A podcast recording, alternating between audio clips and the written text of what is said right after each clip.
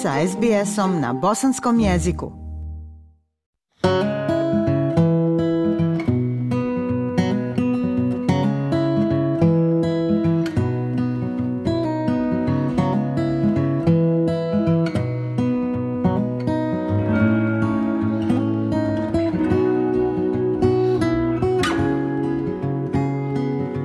Slušate SBS program na bosanskom. U narednim minutama govorimo o satu sudnjeg dana. Sat sudnjeg dana nije običan sat. On ne odbrojava vrijeme, već upozorava na opasnost od nuklearnih, ekoloških i tehnoloških prijetnji. Bilten nuklearnih naučnika je neprofitna organizacija koja od 1947. godine vodi simbolični projekat Sat sudnjeg dana. Otkrila je na konferenciji za novinare u Washingtonu svoj novi sat koji mjeri blizinu svjetske katastrofe. U početku, nakon drugog svjetskog rata, kazaljke sata pokazivali su 7 minuta do ponoći. 1991. na kraju hladnog rata vraćene su na 17 minuta do ponoći. 2018. i 19. pokazivale su 2 minute do ponoći. Međutim, 2020. sat je postavljen na stotinu sekundi do ponoći, što je tada bio rekord od njegovog nastanka. Danas sat prikazuje 90 sekundi do ponoći. Čovječanstvo je i dalje najbliže globalnoj katastrofi. To je procjena neprofitne organizacije Bulletin of Atomic Scientists, koja se bavi naukom i pitanjima globalne sigurnosti, koja su rezultat ubrzanog tehnološkog napretka koji ima negativne posljedice po čovječanstvo. Članovi ove organizacije sastali su se kako bi razgovarali o tome u kojem trenutku bi njihov sat sudnjeg dana simbolično odbrojavanje do kraja čovječanstva trebao biti postavljen za 24. godinu. Kako prenosi Alex Anifantis, ostalo je još samo 90 sekundi. Invazija Rusije na Ukrajinu, rat između Izraela i Hamasa, kineska vojna moć koja brzo raste, bombardovanje teretnih brodova od strane huti pobunjenika u Crvenom moru, Sjeverna Koreja koja testira rakete na Korejskom polostrvu, Svi ovi faktori uzeti su u obzir tokom sastanka nuklearnih naučnika u Čikagu, koji su tamo bili da razgovaraju o tome koliko je vremena ostalo na njihovom takozvanom satu sudnjeg dana. Predsjednica izvršni direktor Biltena nuklearnih naučnika Rachel Bronson kaže da trendovi u prošloj godini dalje ukazuju na nadolazeću katastrofu globalnih razmjera. In 2023, trends continue to point ominously towards global catastrophe.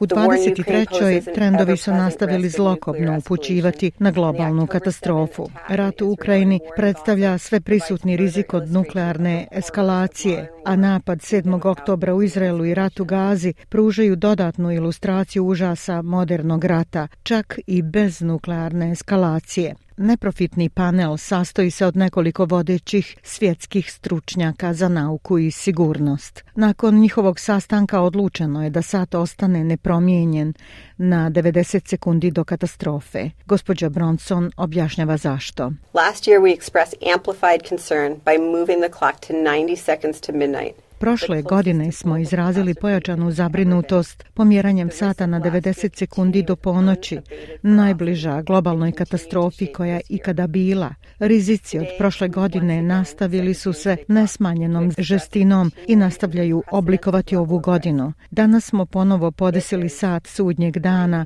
da izrazi kontinuirani nivo rizika bez presedana. 90 sekundi je do ponoći. Mnogi ljudi vjeruju da ponoć na satu sudnjeg dana predstavlja kraj čovječanstva kroz nuklearni rat iako nije korišteno nuklearno oružje barem u posljednjih 70-80 godina. Profesor Aleksandar Gleiser je sa škole za javne i međunarodne poslove i na ocijeku za mašinstvo i vazduhoplovstvo na Univerzitetu Princeton. On objašnjava da prijetnja leži u samom postojanju nuklearnog oružja i kako nekoliko nacija proširuje svoj nuklearni arsenal i šta to znači u napetom globalnom okruženju. Many weapon states are currently pursuing uh, extensive modernization and uh, expansion programs. Uh, Mnoge države trenutno sprovode opsežne programe modernizacije i proširenja koja će po prvi put od kraja hladnog rata obezbijediti infrastrukturu koja bi mogla trajati do 2100. Kina povećava svoj nuklearni arsenal. Sada se u Vašingtonu govori da će i američki nuklearni arsenal morati da se poveća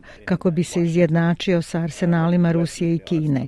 Dakle, na mnogo načina pripremamo se za trosmjernu trku na oružanju, što je bez presedana i prilično zabrinjavajuće. Uprkos nabavci osam nuklearnih podmornica putem AUKUS sporazuma, Australija nije jedna od onih zemalja koje žele proširiti svoju nuklearnu vatrenu moć jer podmornice neće biti nuklearno naoružane, već su samo na nuklearni pogon. Bivši poručnik britanskog nosača aviona, komadant Fergal Dalton, rekao je BBC-u da posjedovanje nuklearnog oružja od strane mnogih zemalja služi kao sredstvo odvraćanja.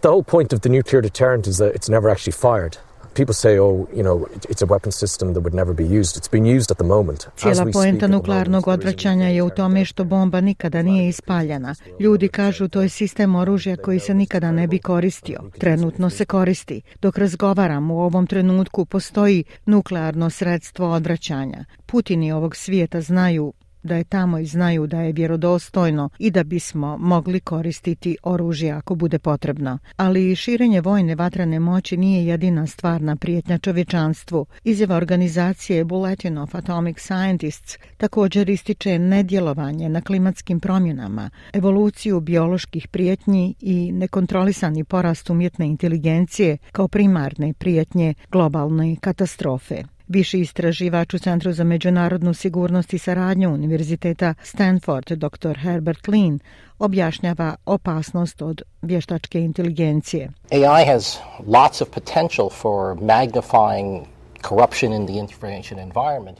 Umjetna inteligencija ima puno potencijala za povećanje korupcije u informacionom okruženju i pogoršanje problema dezinformacija, a to je stvarno loše jer efekat množenja prijetnji znači da nećemo moći riješiti druge teške probleme poput nuklearnog rata i klimatskih promjena. Organizacija Bulletin of Atomic Scientists, koji su 1945. godine osnovali Albert Einstein, Robert Oppenheimer i naučnici sa Univerziteta u Čikagu, koji su pomogli razvoj prvog atomskog oružja u projektu Manhattan, pokušava obrazovati ljude o potencijalnim opasnostima kraja svijeta.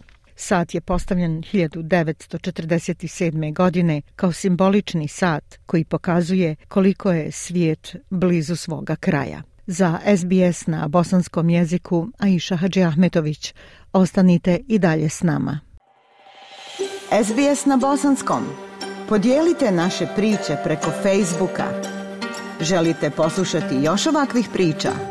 Slušajte preko Apple podcasta, Google podcasta, Spotify ili kako god da primate svoje podcastove.